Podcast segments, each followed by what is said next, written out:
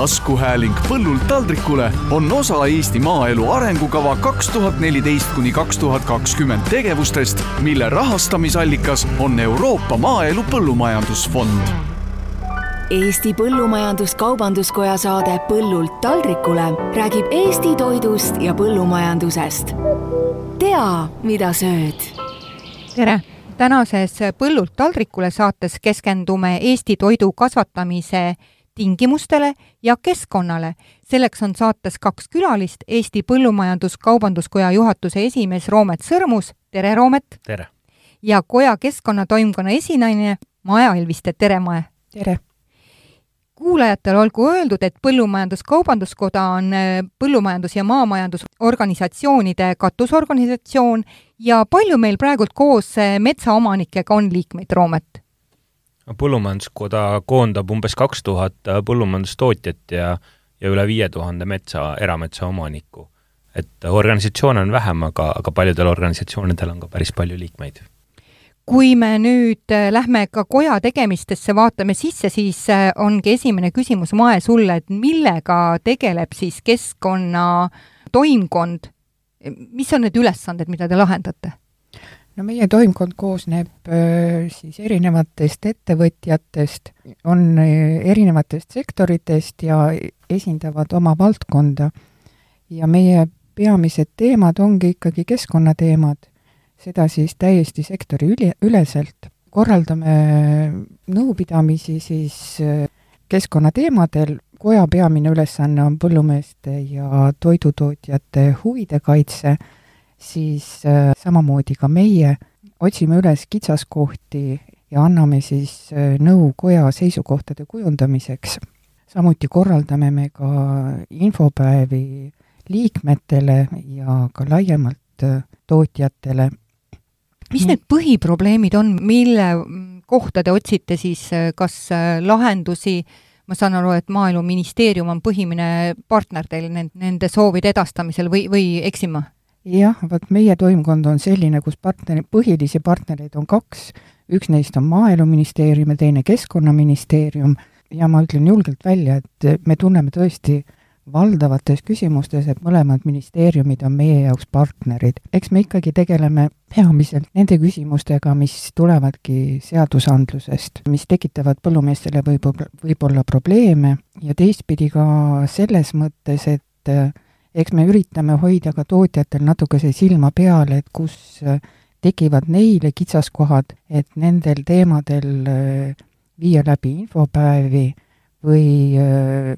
teha mingisuguseid infomaterjale, et lihtsalt nende elu oleks natukese kergem, et nad teadmatusest ei eksiks mõndade nõuete vastu kui vaadata nüüd Eestis kehtestatud keskkonnanõudeid laiemalt, siis äh, milliseks hindate olukorda? Mina julgen öelda, et Eesti on ikkagi hästi loodussõbralik ja keskkonnasõbralik riik, et et ka meie põllumajandustootmine, toidutootmine peab nendes keskkonnapoliitika raamides äh, toimima, loodushoid on kasvava tähtsusega ja selline säästlik äh, toidutootmine on, on kindlasti hästi oluline. mingites küsimustes ma arvan, et Eesti on kindlasti võtnud ka, ka rangema hoiaku ja, ja nii-öelda on olnud nõudlikum põllumajandustootjate vastu kui mõnedki teised äh, Euroopa Liidu liikmesriigid, mis iseenesest noh, meie lokaalseid olusid ja siin kohalike inimeste nii-öelda äh, vajadusi, tundeid arvestades on nagu võib-olla mõistlik, aga kui me vaatame seda, et me oleme siin ikkagi ühes äh, majandusruumis Euroopa Liidu ühisel turul, konkureerime teiste riikidega, tegelikult ju meie põllumehed, ettevõtjad konkureerivad kogu maailma äh, tootjatega, et, äh, et selles osas kojas kindlasti leiame, et peame olema hästi tähelepanelikud, et me seda vinti üle ei keeraks ja ja et need nõuded oleksid selles mõttes mõistlikud, et me suudaksime olla ka konkurentsivõimelised mulle tundub, et kui me räägime nendest nõuetest või nõuete täitmisest, et siis iga äh, rea pealt, mis on kulurida, peab ju olema kuskilt see raha tulemas ja praegult on ikkagi see raha ju eeldatavalt peaks tulema sellelt äh, põllumajandusettevõtjalt või toidutootjalt. kas tegelikult nende nõuete kehtestamisel kuidagi ka riiklikult vaadatakse, et millal see põllumehe vastuvõtuvõime võib olla nagu väga habras? Kas seda raha üldse on? no kui suures pildis rääkida, siis enamik põllumeeste ja toidutootjate rahast tuleb ju tarbijate äh, taskust, et lõppkokkuvõttes peavad olema Eesti tarbijad või ka teiste riikide tarbijad valmis äh, teatud nõuete eest maksma hinda, et kui me tahame säästlikku toet-, tootmist või, või, või kõrgemaid loomaheaolu nõudeid ja nii edasi, et need kõik maksavad ja tarbijad on need tegelikult, kes siis peavad oma rahakotirauad avama. Tõsi on see, et äh, põllumajandus on üks reguleeritumaid äh, valdkondi üldse ja ühises põllumajanduspoliitikas on, äh, on toetused, aga on ka tohutult palju reegleid ja nõudeid, et tegelikult kogu see elu, mida põllumehed teevad, on ikkagi päris suuremahuliselt ära, ära reguleeritud ja, ja nende nõuete eest ka siis tegelikult neid toetusi makstakse praegu võib-olla mure on see, et me oleme siin uue perioodi, toetusperioodi alguses, süsteem muutub, nõuded muutuvad äh, tegelikult karmimaks, neid tuleb juurde. Ja mis on nagu keerukus, on see, et äh, et sealt neid uusi nõudeid ja kavasid on ette valmistatud siin viimaste aastate jooksul. Ja, ja praegu tegelikult see tänavune aasta on ikkagi väga palju äh, kaarte segi löönud, et kui me vaatame neid kulu äh, tõuse, väga kõrget inflatsiooni, et siis äh, nendes kavades võib-olla need toetusmäärad, mis on ka mõeldud nende nii-öelda kulude hüvitamiseks, ei ole enam tegelikult sellisel tasemel, mis, äh, mis suudaksid põllumeestele siis neid täiendavaid kulusid või saamata jäänud tulusid äh, kinni maksta. kuna inflatsioon on lihtsalt osa ära söönud, eks? jaa, tootmiskulud on tõesti väga kiiresti kasvanud, et vaatasin kahekümne teise aasta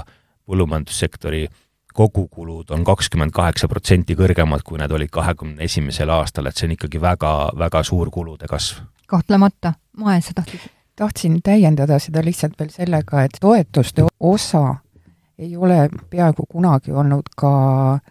nagu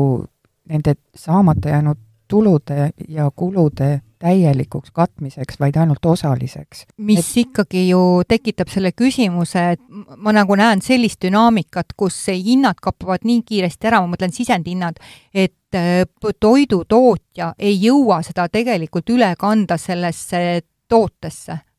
või vaielge mulle vastu sa ütlesid küll ennem nii toredasti, Roomet, et tarbija maksab selle kinni. kas ta ikka päriselt on selle kõik kinni maksnud, mis oli näiteks kolmandal kvartalis need tõusud? Eks see ongi nüüd suur küsimus, et tarbija ostujõud on loomulikult piiratud, et äh, eriti just praeguses toidu kõrges inflatsiooni olukorras me näeme, et tarbijate tegelikult valikud muutuvadki üha, üha kriitilisemaks ja mida mida kaupmehed on öelnud ja, ja mis on ka juba tegelikult sellised rahvusvahelised trendid, et näiteks mahetootmine mis on olnud selline noh, vägagi eelisarendatud valdkond, ma ütleks, viimaste kümnete aastate jooksul, et siin tegelikult tarbija juba natuke pöörab ära ennast sellest äh, mahetootest, sest see on lihtsalt, äh, kuna ta on kallim kui tavaline äh, toit reeglina, mitte alati, et siis äh, noh, nende nii-öelda oma rahakotti optimeerides ja os-, ostuotsuseid tehes, et äh, tegelikult tarbijad lihtsalt tihtilugu teevad ikkagi valiku äh, soodsama toidu kasuks. Ja kusjuures see ei ole mitte ainult Eestis, vaid see on ju ka teistes Euroopa Liidu riikides samamoodi, mis on ju, oli hiljuti Terafila foorum, kus äh, ju Rootsi esineja rääkis sedasama tendentsi kahjuks. jaa, et selles mõttes ongi, et kui näiteks ka maheda puhul veel rääkida, et see nõudlus on kasvanud tegelikult siin viimaste aastate jooksul nagu päris kiiresti ja, ja päris palju, et et siis äh, täna juba ka Euroopa Põllumeeste Liidus äh, on olnud nagu ettekandeid, kus on räägitud sellest, et äh, et tegelikult see trend on muutunud ja, ja, ja inimesed ei jõua lihtsalt enam või noh, noh, kas nad nüüd ei jõua, aga, aga nad teevad siiski valikuid ja, ja see selline maheda nõudlus on, on tegelikult pidurdunud kui me räägime meie keskkonnast, siis on tegelikult meie enda koja leheküljel ka väga toredasti välja toodud peamist, neli peamist ressurssi on muld, õhk, vesi ja elurikkus, mis on omavahel tihedalt seotud ja kui ma nüüd küsin ka, et millist rolli siis Eesti põllumajandus siin mängib, et kui ekspansiivsed me oleme või mis positsioon meil on? kui vaadata sellist suuremat pilti, siis maakasutuses ju põllumajandus ei ole esimene viiul, et et me kasutame Eestimaa pinnast põllume-, põllumajandusmaana kuskil kakskümmend äh,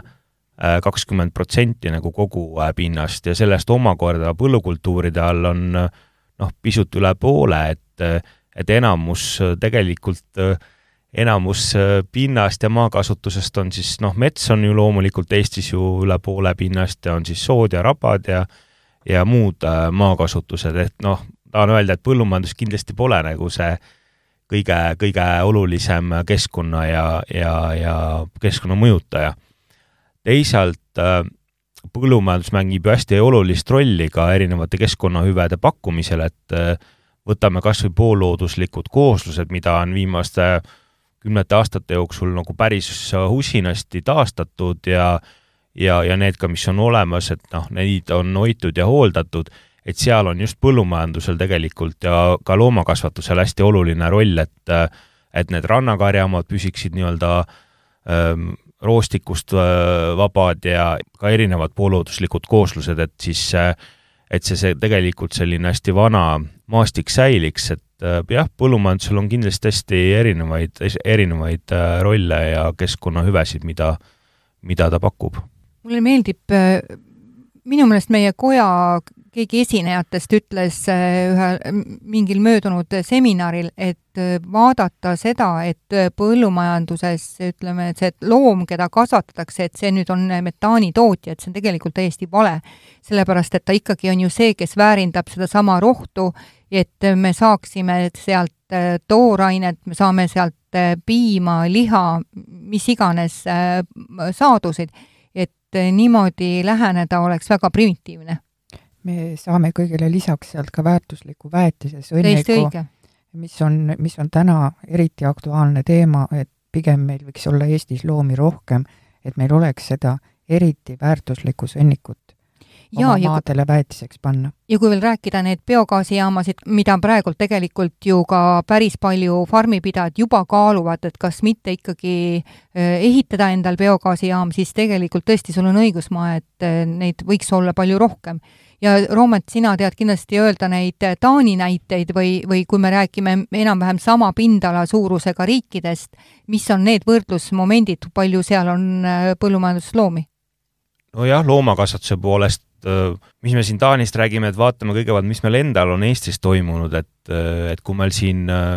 üheksakümnendate alguses oli veel üle kahe miljoni noh, nii-öelda põllumajanduslooma, keda peeti, et siis praeguseks on ta kuskil kolm korda see arv äh, langenud, seal kuskil kuuesaja tuhande äh, põllumajanduslooma peale, et siin ma pean silmas siis nii veiseid, äh, lambaid, kitsi, sigasid, noh, need on, ütleme, peamiselt kolm gruppi. veel kord nagu suuremat pilti vaadates, siis Eesti, aga tegelikult ka teised Balti riigid, Läti näiteks, et meil on loomkoormus hektari kohta üks Euroopa Liidu kõige madalamaid, et kuskil null koma kaks loomühikut siis ühe põllumajandusmaa hektari kohta, mis on noh, päris madal, et seal intensiivsema maakasutusega riikides on, me räägime seal ikkagi kuskil ühe koma viiest äh, loomühikust ja võib-olla rohkemgi. Ja veel üks selline tegelikult väga kõnekas võrdlus ongi, ma jõuan sinna Taanini, aga, aga toon hoopis Hollandi näite, mida ma praegu peast paremini tean, on kui Holland on tegelikult Eestiga päris sarnase suurusega riik, siis e Hollandis peetakse üks koma viis miljonit lehma, piimalehma ja Eestis on samal ajal kaheksakümmend tuhat äh, piimalehma, et eks see on kõik, mis iseloomustabki seda meie põllumajanduse ikkagi suhteliselt ekstensiivset äh, iseloomu. Seda on väga hea kuulda, et ma ise loodan, et need numbrid hakkavad ka rohkem äh, lendama meedias ja vastukaaluks siis sellele, et kui tehakse neid mingisuguseid otsetõlkeid kuskilt Ameerika mingit uuringutest, mis tegelikult nagu no, Euroopasse või Eestisse ei kanna tegelikult üldse mingit kommentaari, ei kannata välja, eks on ju, sest me võrdleme võrreldamatuid ühikuid. Kui me nüüd räägime eh, sellest eh, uuest eh, ühisest põllumajanduspoliitikast, mille periood on nüüd kakskümmend kolm, kakskümmend seitse, siis on ju päris palju uusi nõudmisi, mille, millega peab siis Eesti põllumees arvestama, et kuidas te kommenteerite, et mida, mida siis oodatakse või, või milliseid noh, koormisi või, või raskusi juurde tuleb, me ei saa öelda, et läheb helgeks seal? ma arvan, et kõige esimene katsumus on see, et äh, põllumees peab aru saama, mida temale üldse, milliseid meetmeid seal pakutakse ja mida ta seal tegema peab, määrused on praegu alles ju ettevalmistamisel, osad on küll juba tulnud, aga juba kohe on esimene jaanuar, kus tegelikult peaks nagu hakkama nõudeid täitma. see on päris karm olukord, eks, et sul on ikkagi nagu sellised suured äh, tootmisüksused, võtame farmid ja sa tegelikult neid määrusi veel ei ole absoluutselt kindlasti kohe, et, et just alles olid esimesed ettevalmistavad infopäevad, kust siis nagu põllumeestele infot jagati. paraku tuleb see kõik kohe, kohe-kohe endale selgeks teha ja ees on ootamas äh, mitmed sellised keerulised asjad, üks uus sõna on ökokavad. nii, mis see endast kujutab? no põhimõtteliselt on see endine KSM, kuhu on tulnud täiendavaid lisanõudeid siis ütleme kuulajate jaoks ära, mis asi on KSM? aa, vabandust, see on lühend, mida kõik põllumehed teavad, see on keskkonnasõbralik majandamine. ja seal on siis jah, erinevaid võimalusi, kus siis põllumees peabki tegema valiku, mis talle sobib, mis talle, mis tema ettevõttele ei sobi, ja sellele vastavalt siis nagu neid nõudeid täitma hakkama kas on keegi ka vaadanud, et palju see finantsiliselt toob, ütleme, mingeid kohustusi põllumehele kohe õlale juurde? seda on võib-olla päris raske niimoodi öelda, et mida iga nõue maksab, et sellele ma nagu mõneti viitasin, et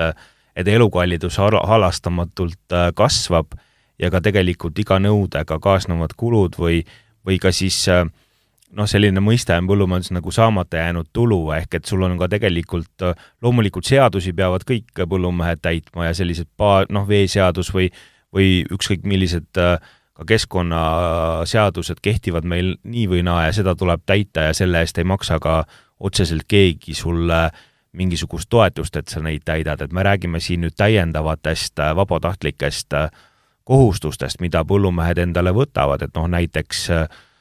jätavad sinna põllu äärde laiema riba või, või, või kasvatavad teatud kultuure, mis on miks see kasulik on, miks, miks seda noh, ma nüüd siin seletangi, et on kasvatavad kultuure, mis on nagu mesilaste noh, korjealadena kasulikud, ühesõnaga teevad erinevaid asju, mis on siis kas elurikkusele või veekaitsele või ka õhule, on ju, ehk et toitained ei ei, või ütleme, lõhnaprobleemid ja nii edasi, et nende kõikide asjadega tegeleda, et siis äh,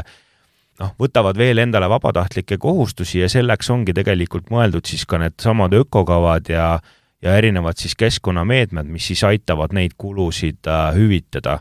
kui vaadata natukene üks samm tagasi, et võrreldes ka eelmise perioodiga, siis põllumeeste sellised äh, lihtsalt baassissetuleku toetused äh, päris suuresti äh, vähenevad äh, alates uuest aastast ja just nimelt tulebki tegelikult, kui sa tahad saada kas noh, umbes sarnast toetust nagu vanasti või midagi, midagi taolist, siis sul tuleb tegelikult teha päris palju juurde erinevaid äh, lisa äh, ja lisanõudeid, et äh, ja selleks, selleks siis neid toetusi ka makstakse. Räägime natukene sellest Euroopa põllumeeste vaatest, et koja leheküljele panid ühe väikse sellise artiklinupu, kus sa kirjutasid, et Euroopa Komisjoni põllumajandusvolinik Jaanus Wojciechowski ütles Euroopa Põllumeeste Liidu Copa Cogeca liikmesorganisatsioonide juhtide kohtumisel, et taimekaitsevahendite määrus on väga vastuoluline nii nõukogus kui parlamendis. miks sa seda või millest jutt käis? no nüüd sa avasid nagu uue sellise Pandora laeka, et ühe, ühtlasi on ju meil Euroopas ka rohepööre käimas ja ja Euroopa rohekokkulepe, mille raames tegelikult siis viimased aastad äh, on kogu äh, põllumajandusjutt üldse keerelnud ja nii-öelda see on siis selline kahe tuhande kolmekümnenda aasta vaatega eelkõige noh, natuke pikem vaade ka, aga aga väga paljud eesmärgid, mida siis Euroopa Komisjon on välja käinud, puudutavad just kolmekümnendat aastat, on põllumajanduses on selline strateegia nagu talust taldrikule, mis on väga sarnane juhuslikult selle saate pealkirjaga. mis näitab, et me oleme väga trenditeadlikud. me oleme trenditeadlikud, mulle ka tundub aga et seal on siis võetud terve rida eesmärke, et vähendadagi taimekaitsevahendite kasutust, säästlikumalt väetisi kasutada, antibiootikume loomakasvatuse, nende kasutust vähendada ja ka elurikkust, elurikkuse teemasid edendada. ja nüüd, kui võtamegi, millele volinik äh, viitas, oligi siis seesama taimekaitsevahendite vähendamise määrus, mis iseenesest ju üldtrendina on õige ja, ja vajalik, et kindlasti ka sellega põllumehed tegelikult on juba väga palju tegelenud ka viimaste aastakümnete jooksul, meil on palju uusi tehnoloogiaid, uusi vahendeid, mis on palju säästlikumad, loodussõbralikumad ja mida kasutatakse tähendab nii vähe kui võimalik ja nii palju kui vaja, et aga nüüd on jah, siis käidud välja eesmärgid et, et viiskümmend protsenti peaks Euroopas siis äh, järgmise kaheksa aasta jooksul taimekaitsevahendite kasutamist vähendama ja miks äh, volinik ka viitas, et need on ebaõiglased, siis äh, need eesmärgid siis liikmesriikide vahel on ka need kohustused ära jaotatud ja kui siin Eesti paistab silma kui üks kõige säästlikumaid taimekaitsevahendite kasutajaid, noh näiteks meil on äh, viimaste statistikate järgi null koma seitsekümmend viis kilogrammi siis toimeaineid hektari kohta kasutatud, siis Euroopa keskmine on seal kaks koma kolm ja Hollandis ja ja mitmetes teistes riikides on need näitajad üle viie kilogrammi, nii et noh, need vahed on hästi suured, aga samal ajal Eesti on ka saanud tegelikult siis, veel ei ole saanud, sest seda ei ole kokku lepitud, aga on välja käidud siis äh, Eestile kohustus, kus me peame ka üle viiekümne protsendi siis oma taimekaitsevahendeid kasutamist vähendama, mis on tegelikult üsna, üsna keeruline ülesanne, arvestades seda, et me juba praegu tegelikult oleme väga madalal tasemel ma arvan, et see tõstab ka seda riski, et me saame lõppkokkuvõttes endal sügisel siis palju väiksema saagi, kui no. me mängime selliste taimekaitsevahendite totaalse vähendamisega. me mängime selle juures ka toidu kvaliteediga, sellepärast et näiteks fungitsiidid hoiavad ära seente arenemist teraviljal ja samas seentega saastunud teravili ei kõlba ei toiduks ega isegi ka söödaks, ta on ka loomadele kahjulik. Mul on jäänud selline mulje, paranda mind, Roomet, et need, kes teevad neid kokkuleppeid, et see alati ei baseeru sellise teadusliku vaate ja, ja ütleme, selliste heade taim, taimekasvatuse traditsioonide vallas et kuidagimoodi need äh, deklaratsioonid kas ei ole päris hästi lõimunud sellega, mis, kuidas päriselt taimi kasvatatakse? mulle endale tundub ka, et Euroopas tegelikult selline võib-olla poliitika on ikkagi mingil määral nagu kaugenenud sellisest maalähedasest äh, toidutootmisest ja põllumajandusest, et äh, Euroopa Parlament on muutunud üha rohelisemaks ja ja seal tihti tegelikult Euroopa Parlamendi liikmetel ei ole ka sellist otsest nagu äh, mandaati, mandaat on neil muidugi kõva, on ju, valimiste näol, aga neil ei ole võib-olla sellist nii selget vastutust, et, mm -hmm. et noh, et et siin liikmesriikides tuleb ka kõik need lennukad ideed nagu päriselt äh, ellu viia ja kas nad siis üldse on kooskõlas nende põllumajanduse praktikate, agronoomia, ma ei tea, põhitõdedegagi, et et selles mõttes tundub küll, et päris kõike nüüd öelda, et on teaduspõhine, et kindlasti mitte, et needsamad rohe kokkuleppe eesmärgid, need on liiga ümarad selleks, et neid pidada kuidagi teaduspõhiseks, et kui kõike peab viiskümmend protsenti vähendama, siis noh, selge on see, et et tegemist on üsna ideoloogiliste ja, ja selliste noh, nii-öelda populistlike, ma populistlik on nagu võib-olla liiga karm sõna, aga põhimõtteliselt on nad sellised äh, suured kõlavad eesmärgid, noh, mille poole siis äh, Euroopa Komisjon soovib, et äh, Euroopa põllumajandus liiguks, nagu öeldud, üldsuunana kõik on ju õige, aga, aga me peame siin nagu valima realistlikke temposid ja ka, ja see ambitsioon peab olema ikkagi selline, et et põllumajandustootjad ei heituks ära, vaid nagu tõesti võtaks neid tõsiselt ja, ja liigu-, liiguks sellel noh, jätkusuutliku toidutootmise rajal, mida tegelikult juba praegugi tehakse sa oled ka kirjutanud seda, et põllumehed nagu erinevates Euroopa liik-, liikmesriikides kurdavad ka seda, et need eesmärgide täitmine on üldse suure küsimärgi all et siis see ju tegelikult devalveerib ka kogu sellist, äh, ma ei tea, neid uusi kvoote või, või eesmärke. No seda ma mõneti nagu, mis ma ka just ütlesin, ongi see, et, et siiski peab säilima ka nagu põllumajandusettevõtjate, tootjate, kes päriselt põllul neid asju kõike ellu peavad viima, nende usk ja arusaam, et see on tõesti mõistlik, mida me teeme ja et see on ka äh, realistlikult äh, saavutatav. Ja seejuures ikkagi alati ka seda kulu Äh, kulude-tulude komponenti tuleb silmas pidada, et et see on küll üks vast kriitiline punkt, et me siin Euroopas püüame nii-öelda nagu mingit teistsugust suppi natuke keeta, kui kogu maailmas keedetakse, et et sellel võib olla küll nüüd päris suur oht äh, meie, ütleme, rahvusvahelisele konkurentsivõimele ja me ju tegelikult ei soovi, et meie toidulaual oleks rohkem ja rohkem kohaliku toidu asemel imporditud toitu täiesti nõus. kui nüüd on hakatud rääkima nendest ähm, keskkonna uutest suundadest, on tõusnud selline termin äh, rohkem esile nagu täppisviljelus, millest siis loodetakse, et see toob selle saagikuse uuesti meile lauale, et äh, Mae, võib-olla oskad sa nüüd mulle täpsemalt rääkida, et mis asi see täppisviljelus on ja miks talle nii suuri lootusi on pandud? ma ütleks, et täppisviljelusel lootused on pigem see, et me hoiame kokku väetistega, me hoiame kokku taimekaitsevahenditega,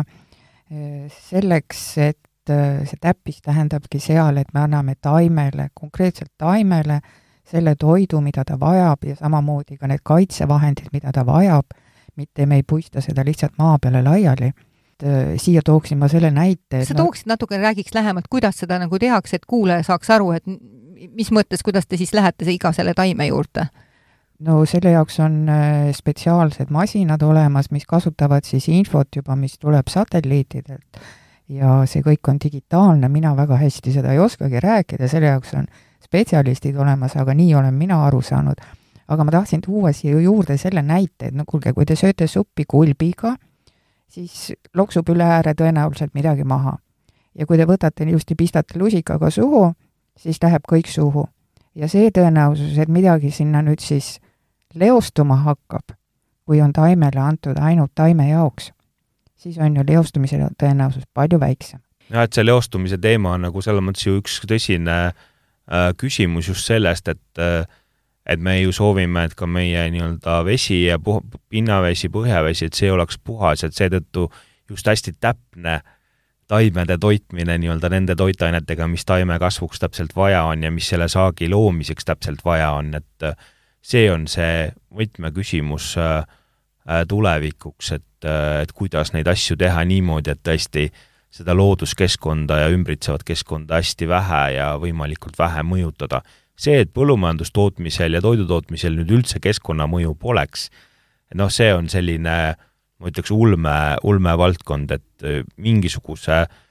mõjuga ja, ja, ja mingisuguse inimtegevuse ja tõttu tekkiva reostusega me peame nagu paratamatult ka arvestama, aga aga kindlasti jah, need ka need täppistehnoloogiad aitavadki seda, seda mõju viia nagu nii väikseks kui võimalik. Kusjuures, kui me räägime leostumisest, siis äh, tegelikult ka nendest kliima soojenemisest tingitud on meil ju palju rohkem seda vihmaperioodi või seda, kus on äh, põld on veel katmata, puhas äh, muld on kuigi ka aina rohkem minnakse ka seda teed, et meil oleks alati eh, mingid vahekultuurid seal põllu peal, et seda põld ei oleks nii, nii kättesaadav ilmastikule ja juba see ise tingib seda leostumist, eks see on see ilmastik ise, eks, et me ei saa vaadata alati ka põllumehe otsa, et, et nagu temas oleks see jutumärkides see süü ma tahtsin veel rääkida sellisest teemast nagu see mineraalväetiste kasutamine, et seda on ju läbi aegade, ütleme viimase paarikümne aasta jooksul vaieldud, et kas kasutada, kui palju kasutada, kui üldse kasutada, eks on ju. et ja nüüd veel eriti, kus Venemaalt ja Valgevenest on väetise mm, saamine olnud takistuseks, energiahindade tõusud on sundinud osasid Euroopa äh, väetisetootjad ajutiselt oma töö, tootmist peatama, on see teema nagu eriti akuutne, sest hinnad, väetishinnad on üles väga kerkinud, et kuidas teie kommenteerite seda olukorda? mina arvan, et üks asi, kõigepealt nagu ma enne juba mainisin, meil on olemas üks väga kvaliteetne väetis, meie oma loomasõnnik, aga taim peab saama süüa nii, et temast kasvaks täisväärtuslik toit, et, et tal on kõik elemendid olemas. Ja selle tagamiseks me paraku peame talle andma ka mineraale ikkagi tõenäoliselt juurde. Ja seda meie põllumehed üldiselt jälgivad väga hästi, nad on väga harjunud juba tegema mullaproove, nad teavad, mis nende mullas sisaldub ja teavad seda, mida taimele juurde on vaja anda et, et me kõik saaksime kvaliteetset toitu. ja samas on ikkagi mingisugused müüdid ringlevad ma, ma liigitaksin need linnalegendideks, kuidas äh, on toitainevaesed põllud ja kui ma räägin meie mullateadlastega Tartu äh, Maaülikoolist, siis nad ütlevad, et tegelikult meie muldade seisund, Eesti muldade seisund on hea, ka põllumuldade seisund, et vot kui naljakad on erinevad tõlkeartiklid, mida, mida tõlgitakse ära ja, ja nii need uskumused meil siin tulevad. et eh, nii, nagu ütles Maaülikooli teadlane Alar Astover, et äh, iga riik, iga koht, iga põld, iga taim on tegelikult erinev, siis äh, nii on ka Eestimaal kohti, kus äh, kus võib-olla ei ole muldade seisund kõige parem, aga valdavalt on meie mullad tõesti väga head, sest et Eesti põllumees on läbi aegade toimetanud äh, ikka talupojatarkuse järgi ja, ja valdav enamus Eesti põllumeestest teab väga hästi vanasõna, narri põldu üks kord, narrib tema sind üheksa korda vastu. Ja, ja nad mäletavad seda, et oma maa annavad nad edasi oma lastele tõepoolest, et see üldolukord, ma arvan, et meil ongi hea ja, ja seda tuleb hoida ja selleks ka tegelikult neid jõupingutusi teha, et see niimoodi äh, säiliks siis ka tulevastele põlvkondadele. ja siin osas on tegelikult hästi hea meel, et äh, et kui me vaatame ka sellist nooremat, uuemat põlvkonda, kes peale tuleb äh, põllumajanduses, et siis uudishimuga nii-öelda proovida uusi praktikaid, uusi äh, uusi meetodeid, mis ei pruugi olla üldse nii väga uued, et need võivad olla ka hästi unustatud äh, vanad, et sa mõtled praegu seda taastavat põllumajandust? mõtlen taastavat põllumajandust, et siin on tõesti päris innustavaid äh, näiteid, kuidas ka noored põllumehed ja ka vanemad põllumehed mõtlevad tegelikult väga süsteemselt sellele, et kuidas sedasama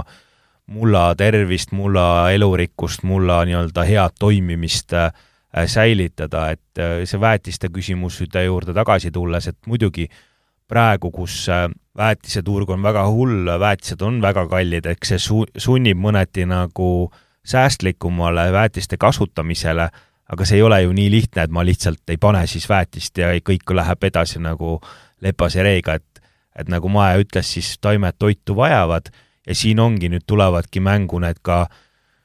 noh, erinevad siis normaalsed põllumajandusvõtted, et seesama Eesti tugevus, mis on olnud, on segapõllumajandus, see tähendab, et meie ettevõtetes on nii loomad kui taimekasvatus ja sealt saab siis seda väärtuslikku sõnnikut põldudele, mis on üks toitainete allikas, teine on see vahekultuuride teema, mida, mida praegu päris äh,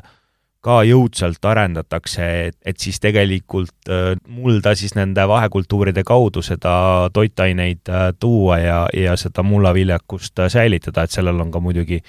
veel lisaks muu, muud head omadused nagu erosiooni teema vältimine ja nii edasi, et, et selles mõttes need on kõik need praktikad, millele tegelikult põllumehed päris palju ja kogu aeg mõtlevad ja ma usun, et tegelikult ikkagi täitsa valdav osa äh, Eesti põllumehi saab väga hästi aru, et et seesama maa ja põld on tema varandus ja tema nii-öelda e-, teenistus ja elatusallikas, et et sellega tuleb nagu väga hästi ringi käia. Need viimase aja ma mõtlen, sõjast tingitud kriisid on meid pannud ju mõistma tu-, toidujulgeoleku olulisust. ja ühelt poolt tahetakse suures pildis küll vähendada põllumajandustegevust, ma mõtlen, et näiteks äh, muudes Euroopa Liidu liikmesriikides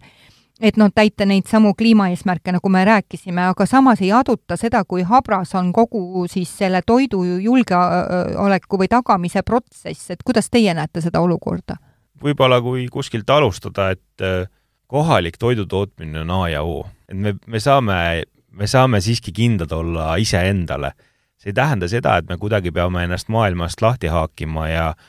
ja lahti ühendama, et see pole isegi võimalik, et tänapäeval kõik need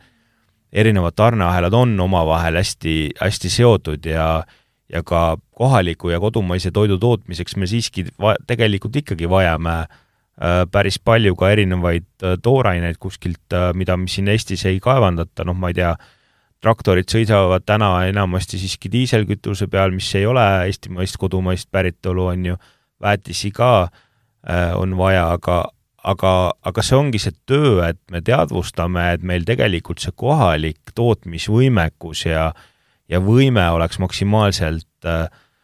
äh, tagatud ja, ja nagu ka neid süsteeme muuta siis nendele kriisidele vastupidavamaks, et noh, siin ei hakka kordama, et seesama teema, et me tegelikult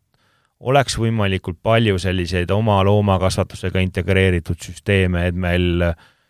et me kasutaksime ära ka neid kodumaiseid ressursse võimalikult palju, et, et toitu äh, toota, aga kõik algab tegelikult sellest mõistmisest, et see on päriselt oluline ja tähtis. selleks ei pea sõda puhkema või mõni vaenulik naaberriik kallale tungima, et sellest aru saada, et selle tõi väga selgelt esile isegi koroonapandeemia, mis pani tegelikult riigipiirid kinni ja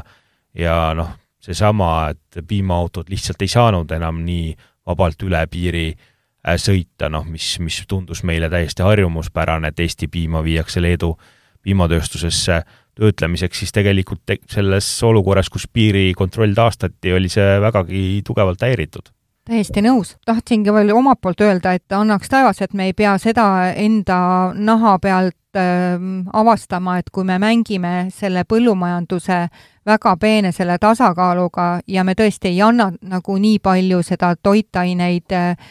sinna mulda, et see taim oleks äh, piisavalt äh, saagikas, siis me ju tegelikult äh, nagu hammustame iseenda kätt sellega. et meil ei olegi siis sellist saagikust, kui me vaatame Eesti põllusid, siis me jääme ju kordades maha näiteks Inglismaalt, eks, kus on palju pikem vegetatsiooniperiood ja kus on sellised saagid äh, hektari pealt, millest me ei näe isegi und mitte, on nii? Ma läheks natukese veel täpsemaks selles mõttes, et äh, et tegelikult me mängime ka toidu kvaliteediga selles mõttes, et see saak võib olla küll ilus tera näiteks, on ju, aga ta ei sisalda seda kõike, mida me toiduks vajame. et see on ka tegelikult paras täppisteadus, millega põllumehed tegelevad, et toit kvaliteetne oleks. meil hakkab saateaeg äh, ümber saama, et äh, on teil veel mingi teema, mida meil täna jäi nagu käsitlemata? No ma võib-olla siia veel lõppu lisakski seda, et et vahel jääb nagu tunne, et äh, kui me muudame selle toidutootmise siin Eestis nagu hästi raskeks, noh, nende samade erinevate nõudmiste ja bürokraatia ja takistustega, et siis kuidagi me oleme suured äh, keskkonna- ja kliimapäästjad, et vastupidi, me tegelikult äh, esiteks nõrgendamegi ja nõrgestame oma seda toidujulgeolekut, et me ei saa ju enam siis ühel päeval kindel olla sellele, et meil kõiki põhilisi toiduaineid endal siin saada on, mida meil tegelikult juba täna ei ole kõiki äh, saada, vaid me tegelikult sellega lihtsalt äh, noh, ekspordime need keskkonnaprobleemid kuskile ära silma alt kaugele mingisse kolmandasse riiki, kus me siis äh, usume, et ju siis seal tehakse paremini, aga aga ei tehta, et nagu tegelikult vaatame ka neid Euroopa Toiduohutusameti toiduseire tulemusi, siis äh, Eesti toit on ikkagi, kui taimekaitsevahendite jäägid näiteks võtta, on ikkagi väga puhas äh, toit, üks siis võib öelda maailma puhtamaid, Euroopa puhtamaid, et siis äh, paljudest kolmandatest riikidest tuleb ikkagi toit, kus äh, iga kümnes nii-öelda jubin või iga kümnest, kümnendast proovist leitakse taimekaitsevahendite jääke, mis on kaugelt üle piirnormide, et, et selles mõttes siin kindlasti äh, on mõistlik, et me tegeleme nende oma keskkonnateemade ja toidutootmise teemadega siin kohapeal ja leiame siin normaalse mõistliku tasakaalu, et, et keskkond oleks hoitud ja toit oleks laual. ma oleks tahtnud Roometile veel lisada siia juurde ja et, et üks väga oluline komponent, mida me peame jälgima, on ka see, et meie muld oleks elus ja ja kvaliteetne ja et ta säiliks nii, nagu ta meil on praegu, et me oma oma otsustuste ja oma nõuetega ei hakkaks seda ära rikkuma, et just täna oli veekaitse infopäev, kus äh, toodi välja BMK seireandmed, et äh, näiteks äh, mahetootmises on puudu fosforist mullas, on puudu kaaliumist mullas, tõenäoliselt on seal see taga, et mahesõnnikud näiteks on meil puudu, et nad ei saa tagada mullale kõike, mis neile vaja on. Nende mõtetega jääme seekord äh, hüvasti. tänases Põllult taldrikule saates oli külalisteks Eesti Põllumajandus-Kaubanduskoja juhatuse esimees Roomet Sõrmus ja koja keskkonnatoimkonna esinaine Mae Alviste, mina olen saatejuht Juuli Nemvalts. saade on tehtud Maaeluministeeriumi toel Eesti Põllumajandus-Kaubanduskoja saade Põllult taldrikule räägib Eesti toidust ja põllumajandusest. tea, mida sööd